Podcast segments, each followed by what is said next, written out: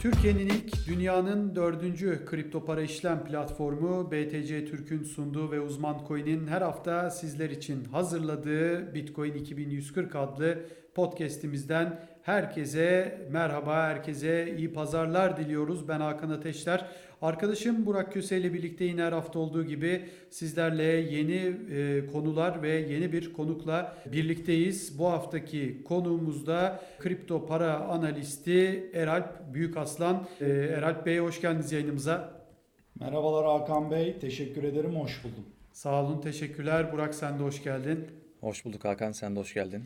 Evet istiyorsanız e, gerçekten çok yoğun bir haftayı da geride bıraktık. Böyle dediğimiz zaman aslında son böyle 2-3 ay belki Mayıs'tan beri çok yoğun haftalar geçiriyoruz. Biz hep klasikleşen bu girişi yapıyoruz ama gerçekten hani bir klasikleşmeden dolayı değil bu yaz yaşadıklarımızı düşünürsek yani Çin yasakları, regülasyon açıklamaları, Amerika'sından işte madencilerin çıkışları, e, Kazakistanlar, Rusyalar havalarda uçuşuyor adeta. İşte El Salvador'un önce Haziran ayında meclisten geçirmesi sonra Eylül ayında e, yasayı tamamen yürürlüğe sokup Bitcoin'i legal bir para haline getirmesi derken koskoca yazı Eylül ayını bitirdik. Gerçekten çok çok yoğun yani ileride belki çocuklarımıza anlatacağımız zamanlar geçirdik diye düşünüyorum ben. Çok önemli. O haftalardan birindeydik açıkçası ve Bitcoin e, Ekim ayının yani hani e, Bitcoin tarihçileri der ya e, Eylüller kötü geçer, Ekimler güzel geçer diye Ekim'e daha girdik gireli 4000 dolar arttı 43'ten 47 bin dolara çıktı ve e, bu haftada önce 50 bin doları daha sonra da 55 bin doları geride bıraktık. E, Burak iznin olursa Eralp Büyükaslan'la biz başlayalım, e, konuğumuzla başlayalım. Ee, ne düşünüyorsunuz? Yani e, inanılmaz artışlar, e, çok sert yükselişler ve sert düşüşlerin ardından gelen yükselişler var. Gerçekten e, o beklenen, hadi o soruyu sorayım çok da uzatmayayım. Mega boğa içine giriyor muyuz? Girdik mi? Onun içinde miydik zaten? Ayıdan mı çıktık? Neler düşünüyorsunuz? Buyurun söz sizde. Estağfurullah. Teşekkür ediyorum. Ee, şimdi şöyle ben e, bu zaten bundan önceki süreçte yaşananları oldukça güzel özetlediniz. E, aslına bakarsanız hani kripto varlıkların volatilitesine alışkın olan bizler gibi insanlar için çok da ekstrem zamanlar değildi. Zaten alışkın doğru, olduğumuz doğru. şeylerdi ama hani bunların e, işte Elon Musk'ın tweetleriyle, Çin'in radikal adımlarıyla beraber gelmesi tabii ki o anlamda bir tarihselliği vardı yaşanan sürecin. Bu anlamda sizlere katılıyorum. Şimdi e, mega boğa meselesine terminolojik olarak benim açıkçası bu ifade kripto Twitter vesilesiyle öğrendiğim bir ifade. Yani genelde piyasada trendler vardır. Boğa trendi vardır, ayı trendi vardır. Bunlar da hangi zamansala göre baktığınıza göre değişir. Varlıkların kendi ekosistemi içinde de her bir varlığında aslına bakarsanız e, dinamikleri farklıdır bu ifadeyi kullanmak adına. Şimdi Burada e, son sorduğunuz soruya gelince yani bir boğada mıyız, boğaya giriyor muyuz yoksa hep mi boğadaydık sorusuna gelince şimdi Bitcoin'i biraz önce söylediğim gibi her varlıkta olduğu gibi kendi dinamikleriyle ele almamız gerekiyor. Yani elbette Bitcoin zaman zaman işte emtia piyasasının aktörlerinden, zaman zaman hisse senedi piyasasından, zaman zaman işte e, altın gibi varlıklardan etkilenebilen, bunlarla pozitif korele hareket edebilen bir varlık. Ama bunun dışında kendi dinamikleri olan bir varlık. Dolayısıyla Bitcoin'de boğa döngülerini hep bundan öncekilere de bakarsanız burada tabii şöyle bir şey var. Bundan öncekiler çok fazla referans alabileceğimiz kadar çok değil. Çünkü bundan önce iki tane boğa döngüsü yaşandı. Tabii. İkisinin tabii. de ortak özelliği ikisi de halvinglerden sonra yaşandı. Ödül yarılanmalarından sonra. 2012 halvingden sonra bir 2013-2014 yılında devam eden bir boğa döngümüz vardı. 2016 halvingden sonra ise 2016 ve 2017 yılında devam eden bir boğa döngümüz vardı. Şu anda biz halen daha 2020 halving ile başlayan boğa döngüsünün içindeyiz. Ben hep buna inanmaya devam ettim. Ne kadar endişe verici düzeltmeler yaşamış olsak da Nisan ve Mayıs ayından başlamak üzere ben hiçbir zaman daha 2020 halving'in bittiğini düşünmedim. Halving'le başlayan boğa döngüsünün bittiğini düşünmedim. Halen daha düşünmüyorum. Ama zamansallar bazında evet bu esnada 2020 halving'den bu yana işte tablolarımıza günlük baktığımızda ayı trendleri olmadı mı? Elbette oldu. Ama genel trend ve genel boğa döngüsünün halen içinde olduğumuzu ve önümüzdeki senenin ikinci çeyreğine kadar da muhtemelen içinde olacağımızı düşünüyorum. Bu tabii ki spekülatif bir tahmin sadece ama realite bazında şu anda içinde olduğumuzu tekrar tekrar ifade edebilirim. Burak sana geçelim istiyorsan ve bu mega boğa konularıyla ilgili ne düşünüyorsun? Çünkü Erak Büyük Aslan'ın da dediği gibi öyle düzeltmeler geldi ki 29 binlere gidene kadar ki çoğu uzman veya analiste 28 binin altı çok daha başka düşüşler getirebilir diyordu ve biz 28'den dönmeyi de başardık Temmuz ayında. Daha sonra 47 50 diye gidiyoruz. Ee, ve tabii ki seninle hep de podcastlerde konuştuğumuz şu zamansallık olayını da yine yorumlamanı rica edeceğim. Çünkü Ekim ayı müthiş başladı. Ee, evet. Aynı şekilde devam ediyor. İşte e, Plan B artık çok ünlü bahsetmezsek olmaz gibi geliyor bilmiyorum yani reklam yapmak gibi de olmasın tabii ama e, çok da öveceğimizden değil ama adam yani nokta atışı yapmaya devam ediyor açıkçası. Neler söylemek istersin tüm bunları düşündüğümüzde? Şimdi ben e, Erap Bey'in söylediklerini aslında katılıyorum. Hemen hemen aynı şeyleri düşünüyoruz zaten bu konuda. Birincisi şurada en büyük soru Bitcoin tekrar aynı şeyi yapar mı sorusu ve geçmişe baktığımızda da aslında gördüğümüz Bitcoin'in sürekli aynı şeyi neredeyse tekrar ettiği yani. Bu mesela bakalım 2020'nin halving'den bu yana geldiğimizde işte halving'den sonra 5-6 ay sonra görünen o ki geçmişteki fiyat hareketlerine baktığımızda bir yükselişin gelmeye başlayacağı hep söyleniyordu aslında. Gerçekten de öyle oldu. Geçmişteki evet. halving döngülerindeki gibi oldu. Ondan sonra işte yine Aralık ayında mesela 2020'nin Aralık ayında Bitcoin 22 Aralık'ta 22 bin dolar işte 24 Aralık'ta 24 bin dolar böyle acayip bir şekilde sanki yani buna tesadüf artık diyemiyorum ben. 2021'e baktığımızda yine yaz ayları kötü geçti geçmişteki gibi. İlkbahar iyi geçti. İşte Mart, Nisan ayları iyi geçti Bitcoin için Şubat ayı. Ve sonbahara geldik. Sonbaharın da iyi geçmesi gerekiyordu. Eğer Bitcoin 2013 ve 2017'yi tekrar etseydi. Ve o oluyor şu anda. Ekim e, ve Aralık dönemi Bitcoin'in bugüne kadar en çok e, gerçek büyük patlamayı yaptığı dönem. 2017'de de bu böyle oldu. 2013'te de böyle oldu. Şimdi 2021'deyiz ve gidişat o yönde. Zaten şu var. E, Bitcoin'de tamamen işte boğa bitmiş olsaydı ve artık Bitcoin bence eski zirvelerini göremeyecek olsaydı şu anda mesela biz Mart ayında, e, Nisan ayında gördük değil mi? 64 bin dolarlık zirveyi. 64 bin 900 dolar Doğru. gibi bir şeydi. Doğru. Ve Nisan ayından bugüne geldiğimizde Ekim ayındayız şu anda. 6 ay geçti aradan. Ve bir artık Bitcoin tekrar eski zirvesini göremeyecek olsaydı bence şu anda Bitcoin'in fiyatının muhtemelen işte 30 bin doların, 20 bin doların, 20 bin dolar seviyelerinde veya 30 bin doların civarında olması gerekiyordu geçmiş hareketlere baktığımızda. O nedenle ben bu son çeyreğin Bitcoin için gerçekten hareketli geçeceğine inanıyorum e, fiyat anlamında. Şimdi bunu destekleyecek birçok şey de var zaten baktığımızda. İşte en büyük, en çok konuşulan şey Bitcoin ETF konusu. Bunda pozitif gelişmeler var. Ekim ayında işte %75 şans veriliyor bir ETF onayına. Ve Zaten bugün de gördük ki SEC Bitcoin ETF'ine çok yakın bir ETF'e onay verdi.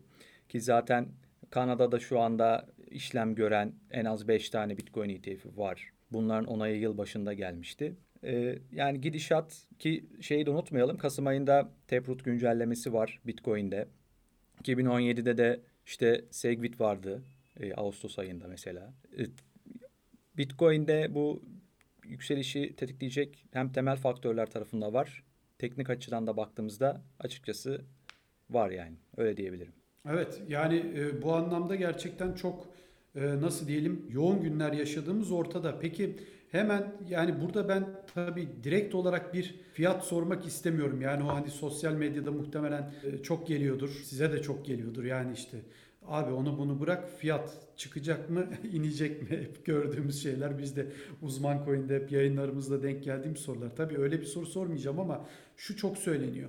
İşte yeni all time high olur ama yeni all time high şimdi yani en yüksek seviye kaçtan olur? Yani 65 diyen de var, 250 diyen de var.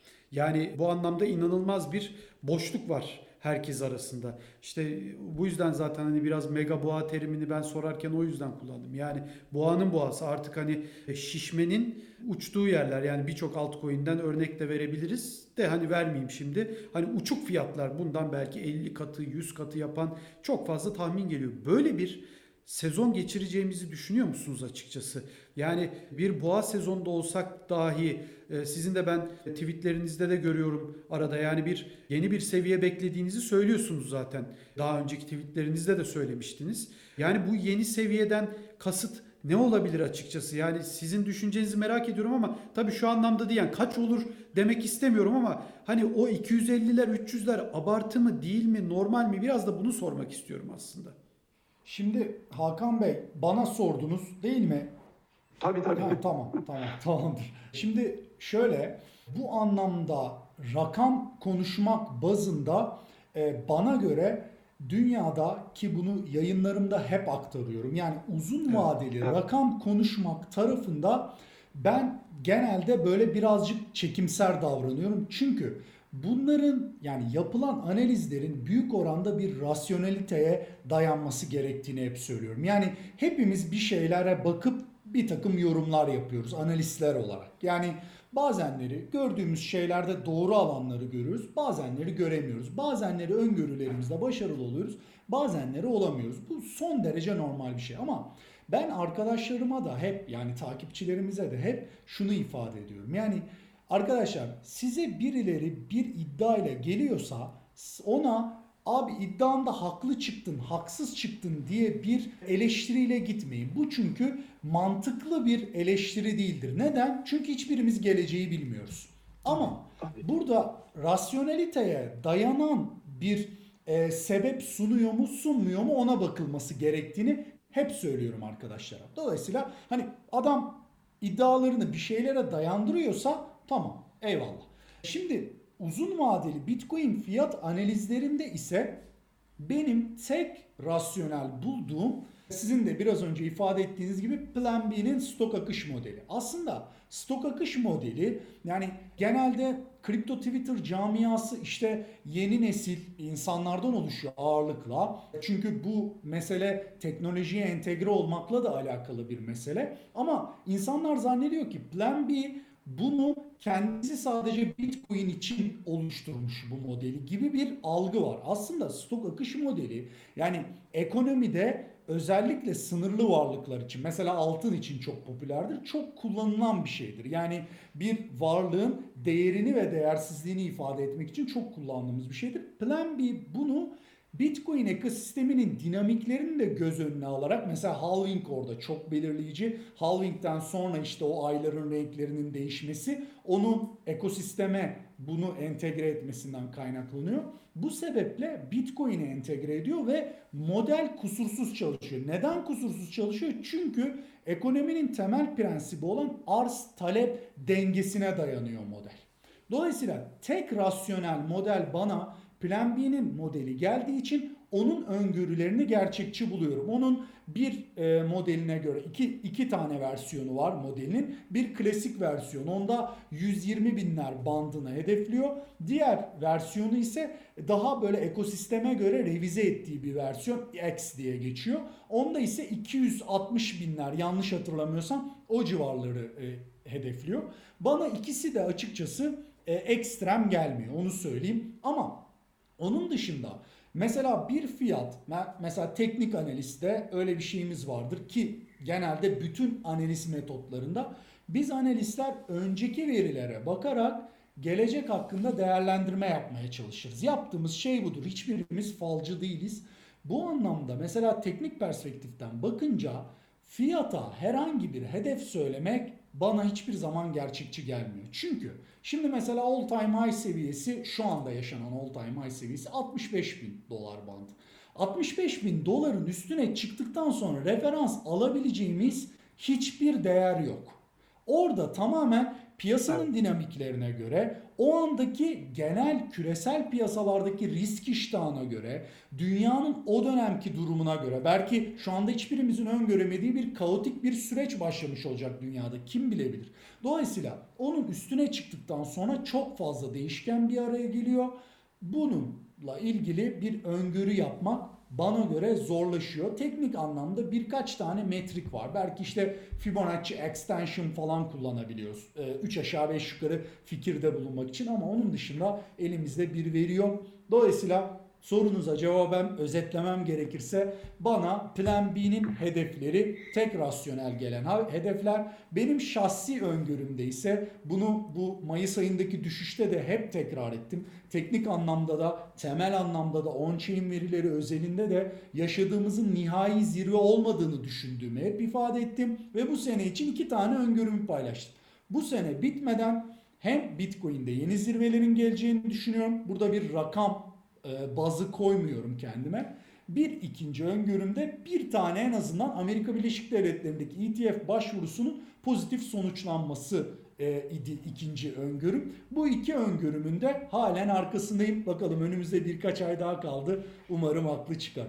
Burak şimdi aynı soruyu ben zaten sana da soracağım. Ama Erak Büyükaslan'a ETF demişken şu soruyu da ben sormak istiyorum. Mesela en az bir ETF dedi. Tamam e, ama birçok uzman şunu da söylüyor daha doğrusu. Yani bir ETF şimdi birçok başvuru olduğu için direkt Evet. olarak Bitcoin'i Bitcoin'e yatırım yapan da birçok ETF olduğu için şimdi X'i kabul edip Y'yi uzatmak ya da Y'yi reddetmek X'e büyük avantaj verecek X şirketine o Bitcoin ETF'inde. Bu yüzden böyle bir toplu bir kabul de seçenekler arasında deniyor uzmanlar tarafından. Burada bu bunun olma ihtimali var mıdır sizce ve fiyatı değişik şekilde etkiler mi? Mesela bir ne, ne bileyim Purpose ETF'i kabul edilirse yine tabii fiyat artacaktır kesinlikle ama hepsi birden böyle bir toptan bir kabul edilme durumu da olursa çok daha büyük bir artış bir anda mı gelir yoksa aynı etkiyi mi yapar? Yani bir ETF'in kabul edilmesiyle sizce? Hakan Bey şöyle, e, şimdi bir kere bunu söyleyen arkadaşlar bana göre de doğru söylüyorlar. Yani bu anlamda elbette firmalar arasındaki rekabeti adil tutmak adına SEC bu konuda mümkün mertebe birçok firmaya bu onayı verme yoluna gidecektir diye düşünüyorum. Yani adil olması açısından ama bu ETF başvurularında firma içi dinamiklerin de belirleyici olacağı bir şüphesiz. Çünkü her biri istenilen evrakları sunuyorlar ama her birinin o evraklarda gerçekten SEC'nin istediği şeyleri sunup sunamadıkları muamma. Onu biz bilemiyoruz. Ee, ama örnek vermek gerekirse diyelim ki işte şu anda bildiğim kadarıyla e, 6 tane başvuru var güncel olan. Bu 6 tane başvurunun her biri aynı şekilde aynı yeterlilikte evraklarını sunuyorlarsa elbette orada bir ayrım gözetmeyeceklerdir. Gözetmemeleri gerekir. Benim oradaki iddiam aslına bakarsanız biraz daha böyle e, realist durmak adına en azından Evet, bir ETF şeklindeydi. Ama ben e, özellikle çok güçlü aktörler olduğunu düşünüyorum. İşte Vanet gibi, işte Stonebridge gibi bu firmalardan birinin e, en azından bu sene bitmeden onayı alacağını düşünüyorum. Sorun ikinci tarafına gelince e, mutlaka neticede kurumsal yatırımcı açısından ETF daha çok şey ifade ediyor. Yani bizler gibi perakende yatırımcı açısından çok bir şey ifade etmiyor ama kurumsal yatırımcı açısından ne kadar çok alternatif olursa yani bu ETF'i sunabilecek elbette piyasaya girecek paranın da miktarının artacağını düşünüyorum. Dolayısıyla 2-3 taneye birden onay verilmesinin bir taneye onay verilmesinden piyasaya daha çok likidasyon yaratacağını düşünüyorum açıkçası. Evet. Burak sana da geçelim. Ee, hem bu soruyu rica edeceğim. Yani ETF'i zaten seninle çok konuştuk. Ama yine de bu toplu ETF, bir tane ETF ve kabul edilme durumlarının bir kıyaslamasını rica edeceğim. Ama ondan önce Erak Büyükaslan'a sorduğum soruyu da sana da sorayım. Yani bir bu boğa sezonu ile ilgili 250'ler, 300'ler, işte Plan B'nin dedikleri gibi daha yüksek diyen de var.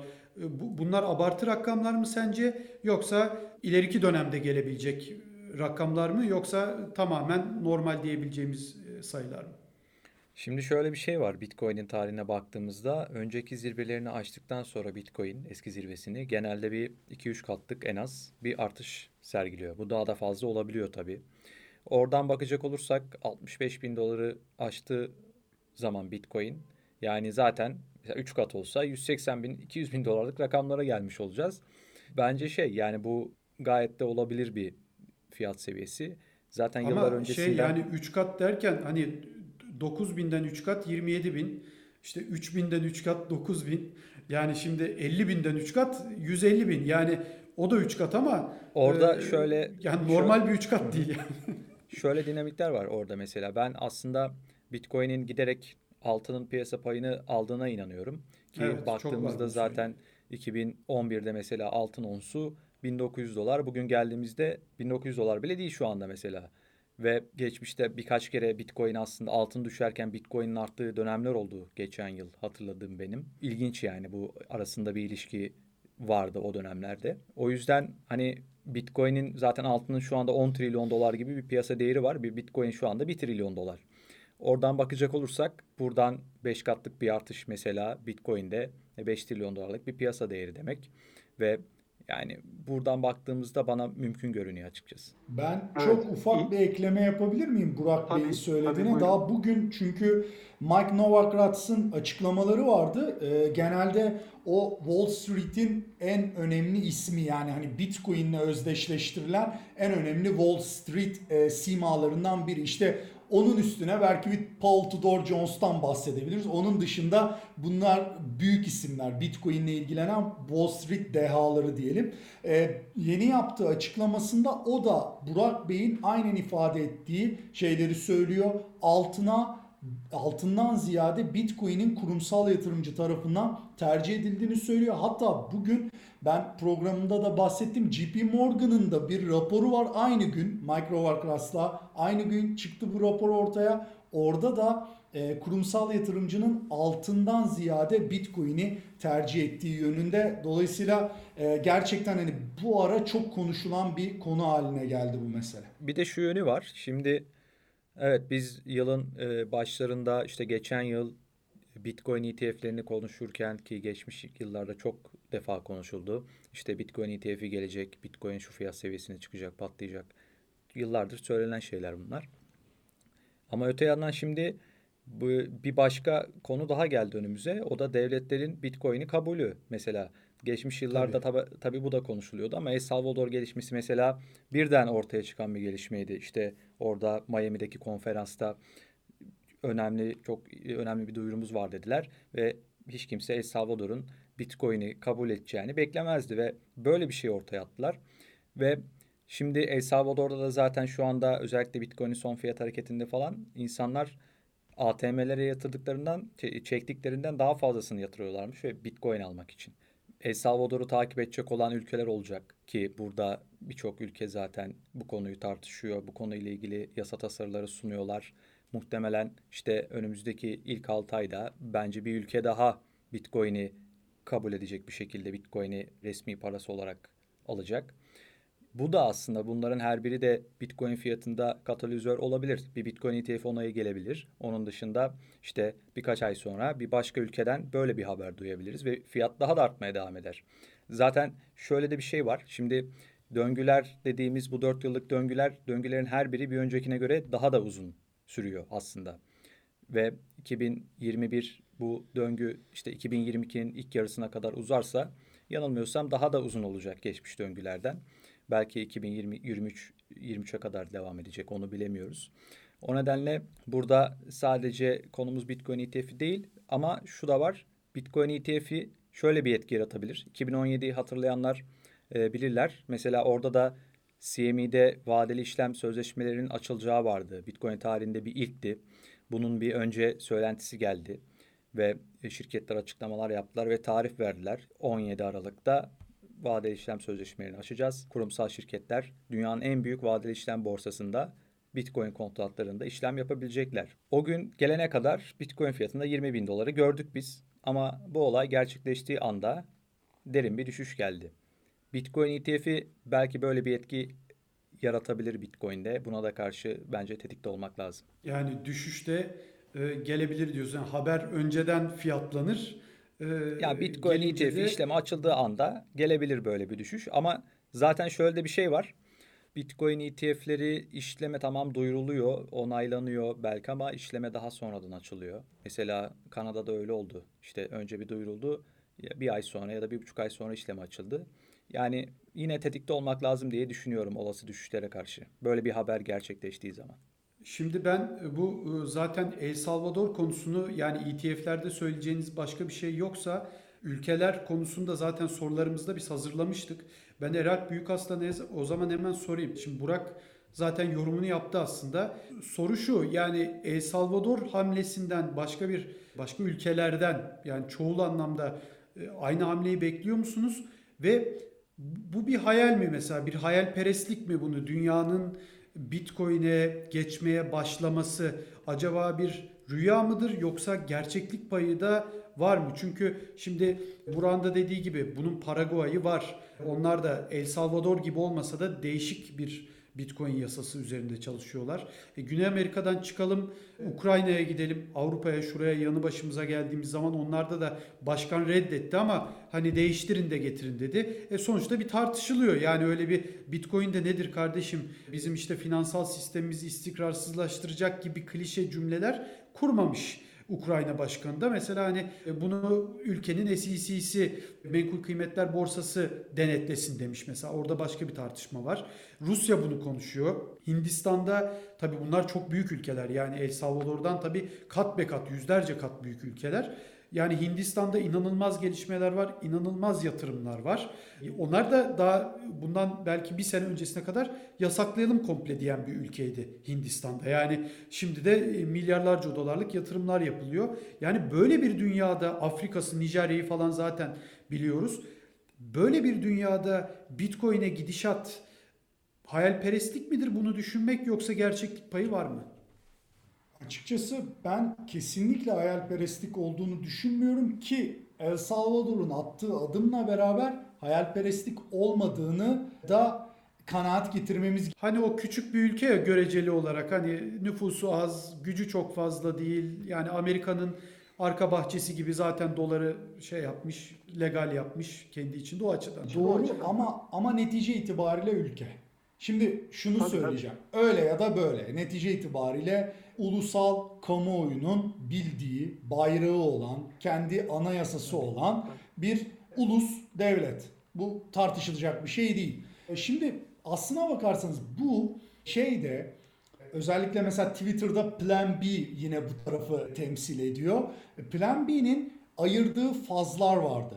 Phase 3, Phase 3 şeyle beraber oldu. E, kurumsal yatırımcıların yatırım yapmasıyla beraber o da mesela 2020 yılında direkt Phase 3 tamamlandı. Yani işte e, şeyin yatırım yapmasıyla beraber MicroStrategy'nin yatırım yapması, işte Square'in yatırım yapması, Tesla'nın yatırım yapması Phase 3'yi tamamladı. Şimdi bir de Phase 4 vardı. Phase 4'da e, merkez bankalarının rezerv olarak Bitcoin tutmasını öngörüyordu. Bu da El Salvador'la beraber tamamlandı. Yani dolayısıyla hali hazırda zaten düşünülen plan dahilinde olan bir şeydi bu. Phase 4 El Salvador'la başladı. Yani evet sürpriz bir isim. Yani o anlamda size katılıyorum. Ülke gerçekten sürpriz bir isim. Ama Güney Amerika'nın aslına bakarsanız biraz şeyiyle de alakalı. Tarihsel gerçekleriyle de alakalı Tabii, bir şey bu. tabii. Güney Amerika çünkü özellikle işte hemen hemen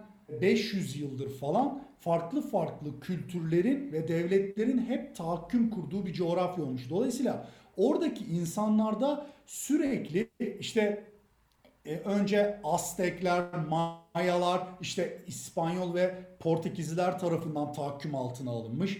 Daha sonra işte El Salvador gibi, işte Guantanamo gibi, şey gibi Meksika gibi ülkeler Amerika Birleşik Devletleri'nin tahakküm altına alınmış. Dolayısıyla orada bu devrimci damar sürekli varlığını koruyor.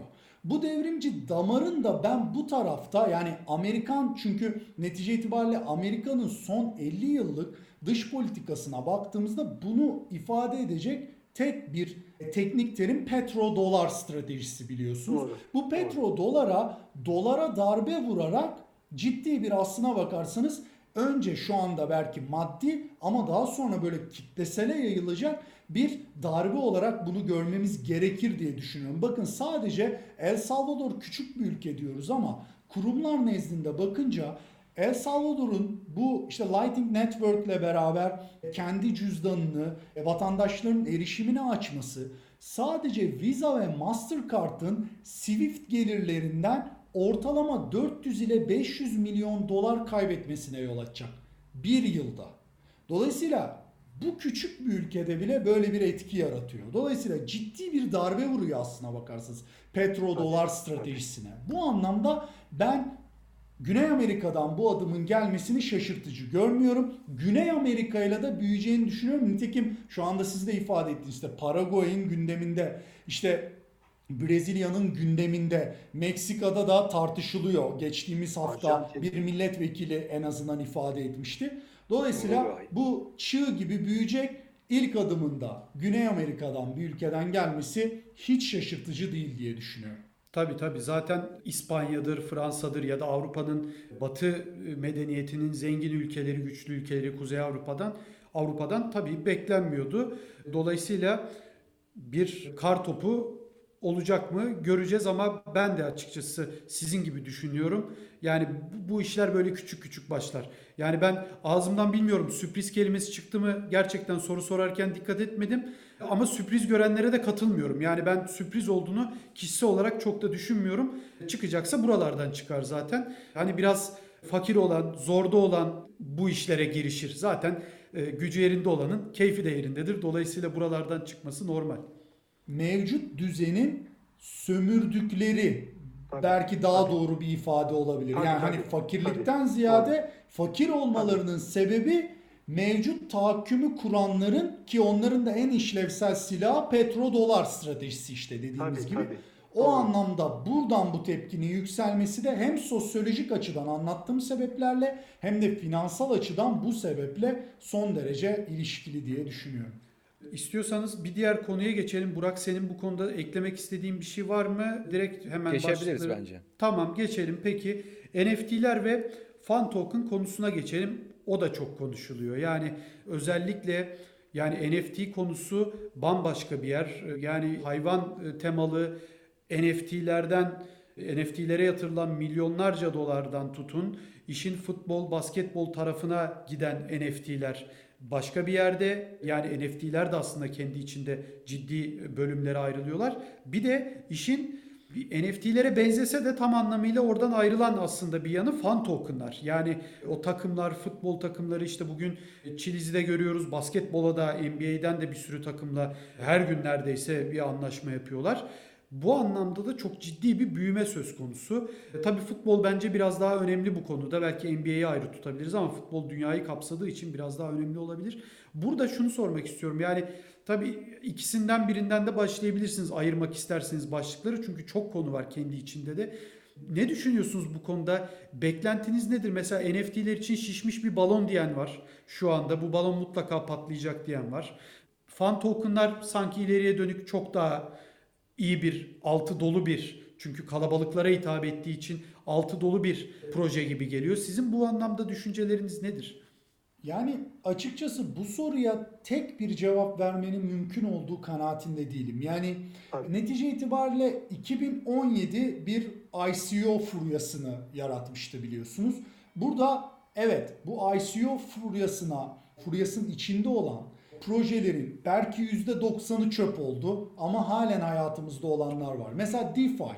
DeFi geçen sene altcoin rallisinde belirleyici olmuştu. İşte Chainlink'in öne almasıyla beraber DeFi'da da bir sürü proje geçen seneden itibaren ortaya çıktı. Şimdi adı sanı bile duyulmuyor.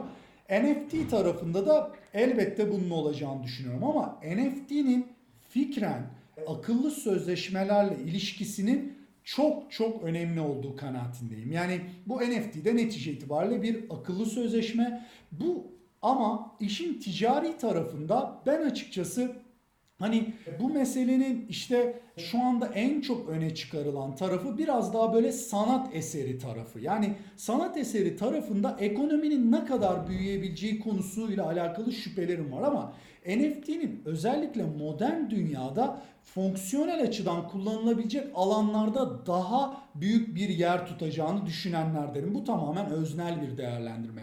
Erap Büyük Aslan yorumu yani. Şöyle ki ne demek istiyorum onu da açayım. Demek istediğim şu. Yani mesela NFT projelerinde işte belli başlı online oyunlarda, blockchain tabanlı oyunlarda mesela karakterlerin çok ciddi bir büyüme sağlayacağını ve bu alanın büyük bir ekonomi yaratacağını, hali hazırda yarattığı bir ekonomi var, yaratmaya da devam edeceğine inananlardanım. Özellikle bunun akıllı sözleşme tarafında bunun çok belirleyici olduğunu düşünüyorum. Aynı zamanda sizin de ifade ettiğiniz gibi fan token tarafında da çok ama çok büyük bir ekonomiyi dönüştürme ve büyütme etkisi olacağını düşünüyorum. Bana göre NFT'nin önümüzdeki dönemde çöp olmayacak projeleri bu iki tarafta son derece aktif olabilen ve bu anlamda gelişebilen projeler olacağını düşünüyorum. Dolayısıyla genel olarak hayır veya evet demem mümkün değil. Bana göre popülaritesini koruyacak, büyük ekonomi yaratacak alanlar bu taraflar olacak diye düşünüyorum açıkçası. Burak sana geçelim. Şimdi ben şunu söyleyebilirim NFT'lerle ilgili olarak. Henüz bence NFT'lerde o balon dediğimiz o bölgeye henüz gelmedik. Çünkü burada mesela TikTok'un şu anda devam eden, daha dün başlayan bir NFT drop'u oldu. Onun dışında Twitter'ın bir NFT entegrasyonu olacak. Burada insanlar Twitter profillerinde işte NFT'lerini gösterebilecekler. Zaten burada olay da az çok bir yandan da bu yani. Bir şeyleri göstermek, bunlar da benim diyebilmek. Ve aslında şu anda bunu gösterebilmek için insanların pek bir şeyi yok. Ortamı yok internette işte OpenSea'de falan var ama insanlar o linke tıklayıp oralara gitmesi gerekecek. Ama bu Twitter'la bütünleştiği zaman bence NFT sektörü, endüstrisi biraz daha e, mesafe kat edecek bu anlamda. Ki Twitter bunu yapıyorsa Instagram zaten bu görsellerin e, platformu, görsel platform. Instagram'da ve Facebook'ta da bunun mutlaka yankılarını göreceğiz. Bu açıdan baktığımda ben NFT konusunun henüz kapanmadığını ve şu anda bu balonlaşma dediğimiz bölgede olmadığını olmadığımızı düşünüyorum açıkçası. Evet. Şimdi tabii fan tokenlar dedik. Bir de fenomen tokenlar var. Yani onlar da artık hayatımızın parçası oldular.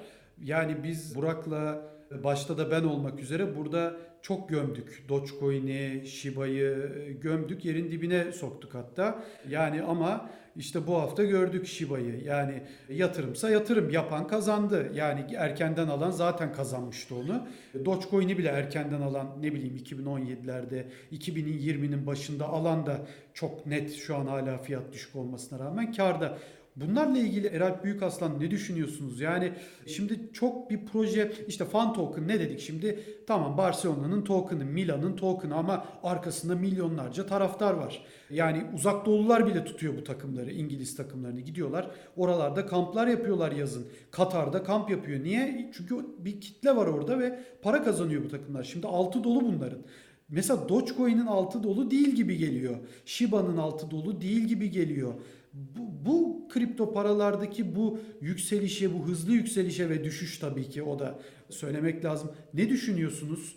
Mesela gözün gözünüz kapalı yatırım yapabiliyor musunuz? Ben gözüm kapalı doç alırım abi nasıl olsa yükselecek diyebiliyor musunuz?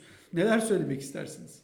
Valla şöyle ben bu bu meseleye de bakışın nereden olduğuna göre yani nasıl bir perspektifle Tabii. yaklaştığımıza göre cevabın şekilleneceğini düşünenlerdim. Şöyle ki eğer idealist açıdan bakarsak yani işte blockchain dinamiği açısından bakarsak, insanlığa katacağı değerler anlamında bakarsak, bu anlamda bakarsak e, gayet tabii sizin gömmeniz tarafında ben de yorumumu yaparım. Haklısınız yani buna itiraz edecek bir şey yok. Ama bir de pra- pragmatik perspektiften bakmak lazım ki yatırımcılar biraz daha öyle bakıyorlar. Yani netice itibariyle bir yerde bir prim varsa riskimi yönetebiliyorsam yani buraya ben hani insanlara bu anlamda pragmatik bakışla yaklaşan insanlara eleştiriler eleştirel yaklaşmanın doğru olmadığı kanaatindeyim. Çünkü Doğru, ben de bu netice Tabii. itibariyle piyasada insanlar para kazanmak için bir şeyler yapıyor. Sadece onlara söyleyebileceğim bu varlıklara, bu varlıklar için çok fazla bir belirsizlik olduğu için riske edeceğiniz miktarı doğru belirleyin diyebilirim. Yani yoksa hani bugün Shiba'dır, işte dün Doge'tu, bugün Shiba, yarın öbür gün başka bir şey olacak. Bu piyasanın e, aslına bakarsanız bunlar şeyi olacak. Biraz böyle tadı tuzu diyebilir miyiz bilmiyorum. Sürprizi diyebiliriz belki. O daha doğru bir ifade olur. E, dolayısıyla hangi perspektiften baktığımıza göre değişir diye düşünüyorum. Evet Burak sen ne düşünüyorsun? Yani Ya senle hep arada şunu- konuşuyoruz tabii Evet. bunları ama Evet evet yani biz de evet dediğin gibi geçmişte çok Dogecoin'i özellikle çok eleştirdik ve yatırım yapanlara da belki biraz eleştirdik bu anlamda. Ama bizim eleştirimiz aslında şunaydı. Şimdi Türk yatırımcıları gerçekten altcoin'lere çok yatırım yapıyorlar ağırlıklı olarak. Yani mesela bu konuda ben anketler görüyorum Twitter'da. İşte sormuşlar portföy dağılımınız nasıl işte ya da Bitcoin'iniz var mı? %80 altcoin'de %20'si sa- Bitcoin'i var. Yani böyle bir dağılım var. Zaten piyasada böyle bir dağılım. var. Piyasanın baktığın zaman piyasa değerine Bitcoin'in şu anda %45'ler civarında bir piyasa de- şeyi var. Piyasa payı var Bitcoin'in. Ve en azından insanların bunu koruması daha iyi olur. Yani bir portföyün varsa %50'siyle Bitcoin al ve bunun %50'siyle istiyorsan altcoin alabilirsin. Tabii Dogecoin çok ciddi fiyat artışları yaşadı. Evet geçtiğimiz bir yıl içinde ama bu bunun en birincil sebebi neydi?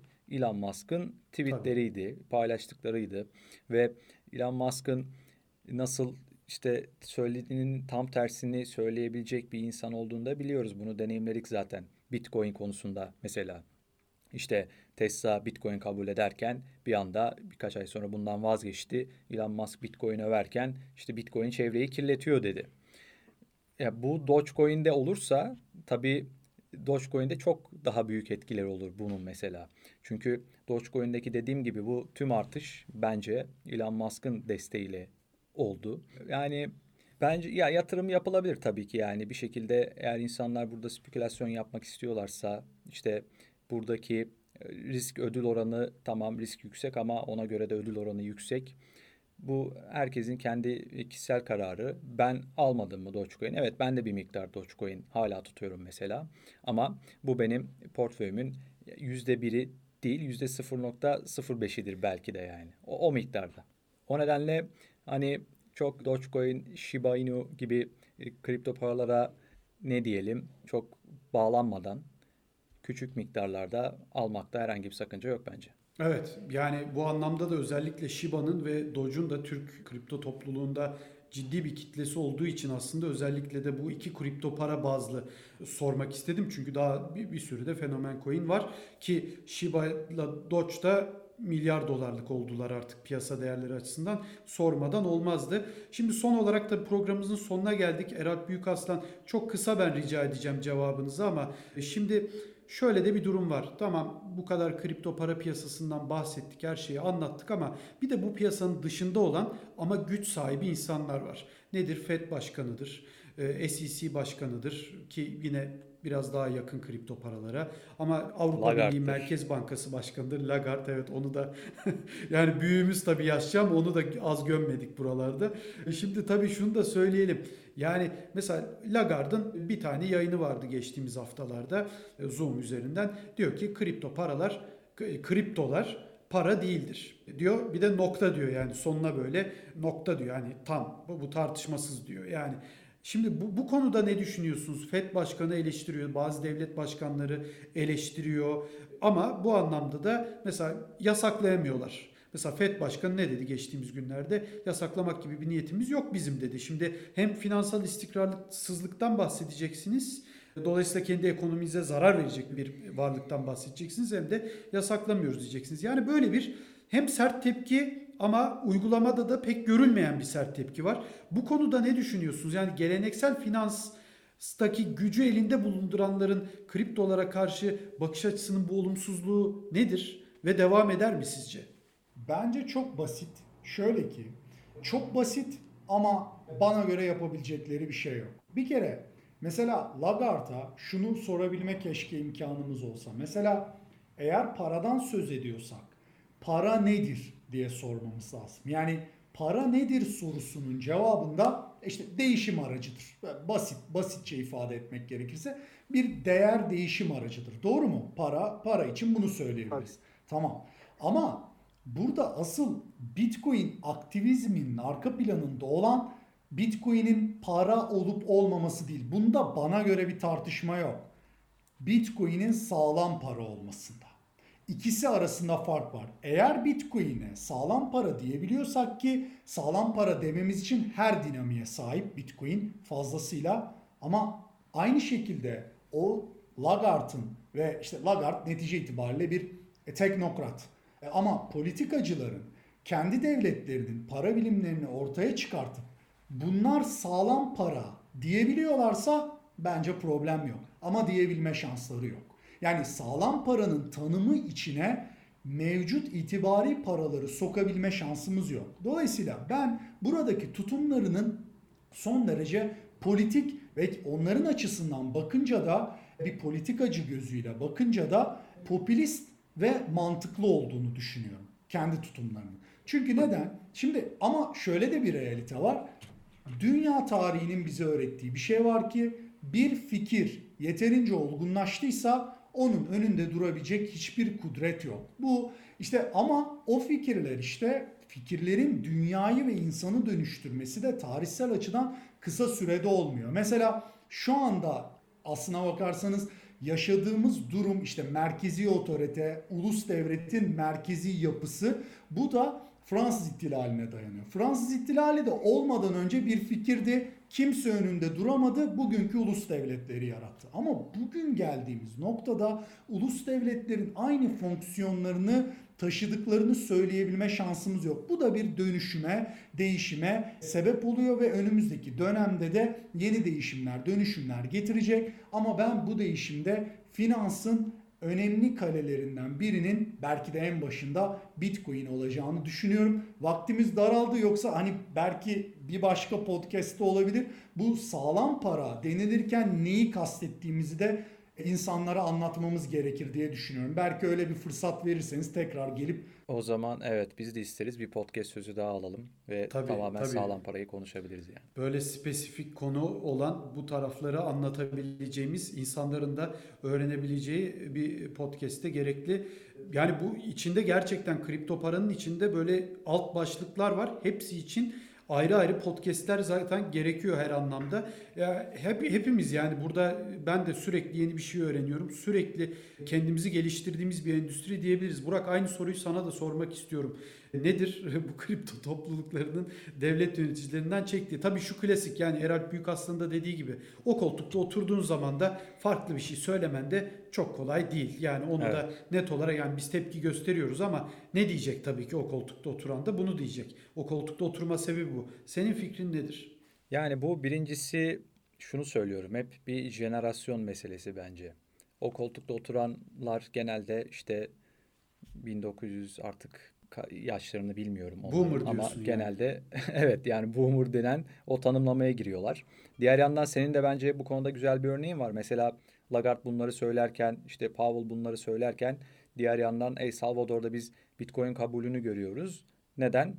Oradaki devlet başkanı işte 35-40 yaşlarında bir isim. Yine Tabii. burada ben jenerasyon farkının önemli olduğunu düşünüyorum Tabii. açıkçası. Yani devletlerin tabii ilk ilk etapta e, Bitcoin'e bu şekilde yaklaşmaları çok normal. Geçmişte mesela Bitcoin'in hep işte şeyle özleştirilirdi. İşte uyuşturucuyla işte bunu tamamen suçlular kullan- kullanıyor. Bitcoin suçlular için bulunmaz bir nimet yakıştırmaları yapılıyordu geçmişte. İşte JP Morgan CEO'su Bitcoin'le artık Bitcoin alıp satan, Bitcoin alan, Bitcoin olan bir çalışanı fark ettiğinde onu işten kovacağını bile söylerken şimdi JP Morgan'ın Bitcoin'den övgüyle söz ettiğini görüyoruz mesela. Yani bunlar tamamen bir zaman meselesi meselesi olduğunu düşünüyorum açıkçası. Yani dünyada çok hızlı bir şekilde değişiyor zaten. Tabii. E, Bu liderlerin sözleri de değişir. İşte bugün El Salvador Merkez Bankası'na Bitcoin bi- bilançosuna Bitcoin eklerken işte diğer ülkeler zamanla Avrupa'da belki bunu görmeye başlayabiliriz. O yüzden ben bu tutumun değişeceğini düşünüyorum açıkçası. Artık Bitcoin'e karşı bir tutum aldıktan sonra Bitcoin şu anda 1 trilyon dolarlık bir piyasa değerine sahip varlık. Yani siz Bitcoin'i yasaklamaya kalktığınızda işte herhangi bir şekilde Bitcoin'e böyle bir müdahalede bulunduğunuzda yani küresel bir finansal krize yol açarsınız. Yani o nedenle bu, bu her ne kadar Bitcoin'e karşı bu açıklamalar olsa da e, Bitcoin artık müdahale edemeyecekleri bir noktada olduğunu düşünüyorum. Ve böyle bir amaçları olsaydı da en başından beri bence Bitcoin'i ilk 4-5 yılda bir şekilde ki bunu da yaptılar aslında denediler. E, Olmadı yani Bitcoin'e saldırdılar. Bitcoin'i bir şekilde hacklemeye çalıştılar ama başaramadılar. O yüzden artık o dönemlerin geride kaldığını düşünüyorum ben. Evet yani bu anlamda işte Gandhi'nin o ünlü sözü var. Önce e, görmezden gelirler sonra sizle savaşırlar. Yani yanlış olabilir tabii kelimeleri doğru seçmemiş de olabilirim tam hatırlamıyorum ama sonra kabul ederler sonra da size teslim olurlar gibi bir sözü vardı. Yani şimdi sanki o savaşın son evrelerindeyiz gibi geliyor bana. Göreceğiz. Zaman gösterecek açıkçası. Yani burada üçümüzün de ben çok konuda aynı fikirde net şekilde olduğunu söyleyebilirim. Eralp Büyükaslan çok teşekkür ediyoruz değerlendirmeleriniz için. Ağzınıza sağlık tekrardan. Ben çok teşekkür ederim. Beni buraya davet ettiğiniz için, bu fırsatı verdiğiniz için sağ olun. Sağ olun, arkadaşlar. teşekkürler. Burak senin de ağzına sağlık. Teşekkürler Hakan. Evet bir programımızın da sonuna geldik. Türkiye'nin ilk dünyanın da dördüncü kripto para işlem platformu BTC Türk'ün sunduğu ve uzman coin'in her hafta sizler için hazırladığı Bitcoin 2140 adlı podcast'imizde bu haftayı da sonlandırıyoruz. Konuğumuz analist Eralp Büyükaslan'dı. Kendisine tekrardan teşekkür ediyoruz. Umarım ileriki dönemde de bir podcast daha yapacağız. Ee, Sözümüzü aldık. Şöyle daha detaylı tek bizim de dersimizi çalışıp geleceğimiz güzel bir podcast'te daha kendisiyle görüşmek isteriz. Bu pazarı da tamamladık. Gelecek hafta görüşmek dileğiyle. Hoşçakalın.